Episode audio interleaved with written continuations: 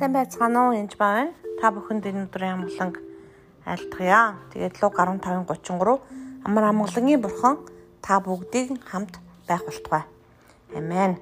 Тэгэхээр өнөөдөр би та бүхэнд юу ярих гэж бодсон бэ гэхээр луг 9:1-с 2-ыг уншиж өгье. Есүс 12-оо хамттан дуудаад өвчнийг эдгэх бүх чөтгөрийг зайлуулах эрх мэдэл хүчийг тэдэнд өгчээ. Бухны хаанчлыг тунхаглуулахын тулд мөн өвчтөе хүмүүсийг эдгээлэхийн тулд тэр тэднийг илгээв. Энд байгаа 12 илгээг гэдэг дээр болохоор юу гэж байгаа юм бэ гэхээр яг юу гэж хэлсэн мэхээр Есүс дагалдагч нараа дуудаад гэж байгаа. Яг Библийн орчуулган дээр нь болохоор дагалдагч нараа дуудаад. Одоо Иесусыг дагалддаг хүн гэсэн үг байхгүй юу? Дагалдагч нар. Тэгээд тэднэрт хэрэглэх эрхийг өгч байгаа юу гэж байгаа вэ гэхээр бүх чөтгөрийг дэмэн чөтгөрийг дээгүүрх эрх мэдэл ба хүчийг хэрэглэх right to exercise гэж байгаа хэрэглэх эрхийг өгч байгаа. Тэгээд тэднийг богино хэмжээний аялалд явуулж байгаа. Бухны хаанчлалыг заалгахаар тэгээд бас яаж ин тэгээд бас эдгэрэл чөлөөлтийг хийлэхэр явуулж байгаа. Эдгэрлийг хийлэхэр явуулж байгаа. Тэгэхээр чөтгөрийг хөөн гэдэг нь угаасаа чөлөөлт гин гэсэн үг шүү дээ. Тэгээд идэгин гэсэн үг тийм үү? Тэгэхээр тийм зорилготой явуулж байгаа. Тэгэхээр энд хит хидийн юм гарч ирж байгаа.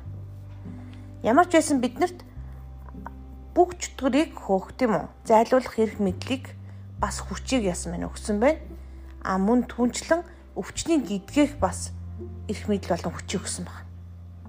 Тэгэхээр энд нэгдүгээрх нь дагалдагч байх хэрэгтэй болж байгаа. Энийг авахд Иесусээс Тэгэхээр дагалдагч гэдэг үгийг унших юм бол Иохан 8:31 дээр Есүс өөрт нь итгэсэн идэвчид хэрв та нар миний үгэн дотор байвал үнэхээр миний дагалдагчд байна гэж байна.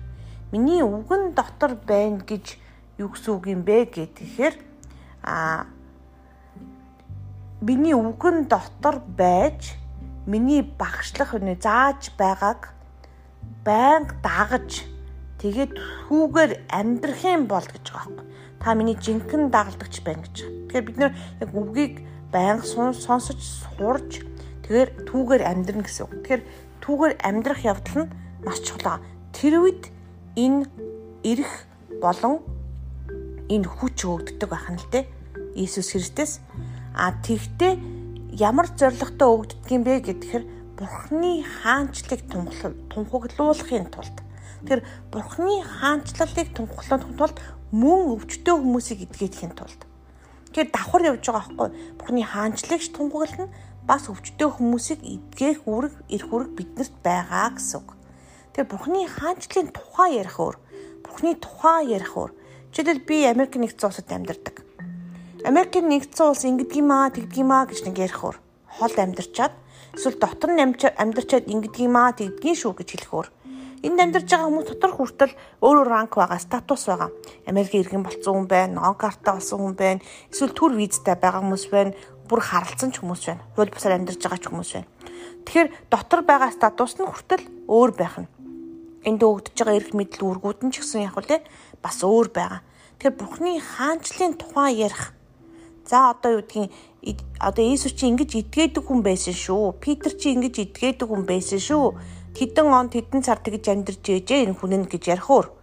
А Бурхны хүч ирэх мэдлэр ингэж идгээд гэмаа гэж зааж өгөөд тэр хүч ирэх мэдлээ харуулах чинь бас өөр байгаа. Яг тэр үед Бурхны хаанчтал тунхаглагдаж тэлдэг байж байгаа. Тэр энийг мэдэх явдал маш чухал байгаа.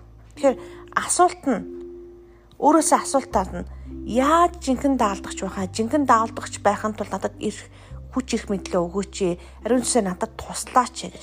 Үнийг та ганцаараа хийдгүү ариун сүнстэй л хамт хийдэг ба. Тэгэхээр тэр хүч их мэдлийг авахын тулд бас их шунаж болохгүй. Зүгээр эзний үгээр амьдрах үед энэ нь аяндаа өгддөг зүйл байгаа.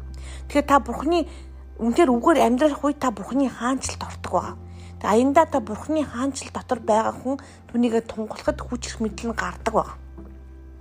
Тийм учраас үнээр үгэн дотор байж үгийг үнээр хэрэгжүүлж үгээр амьдрах явдал нь нэг номерын чухал хэрэгцээтэй зүйл байна. Тэр үед Иесус аяндаа танд эрх мэдэл болон хүчийг өгдөг.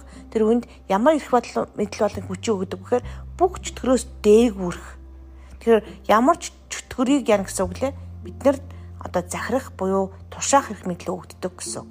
Гэтэ гол зорилго нь Бурхны хаанчлыг тунхаглах бас хүмүүсийг эдгэхийн тулд тэр зорилгоо ерөөсөө мартуузаа тэр та хүмүүсийг эдгэхийн төлөө сайн залбираараа тэгээ тань тэр их мэдл нь өгдсөн байх шүү.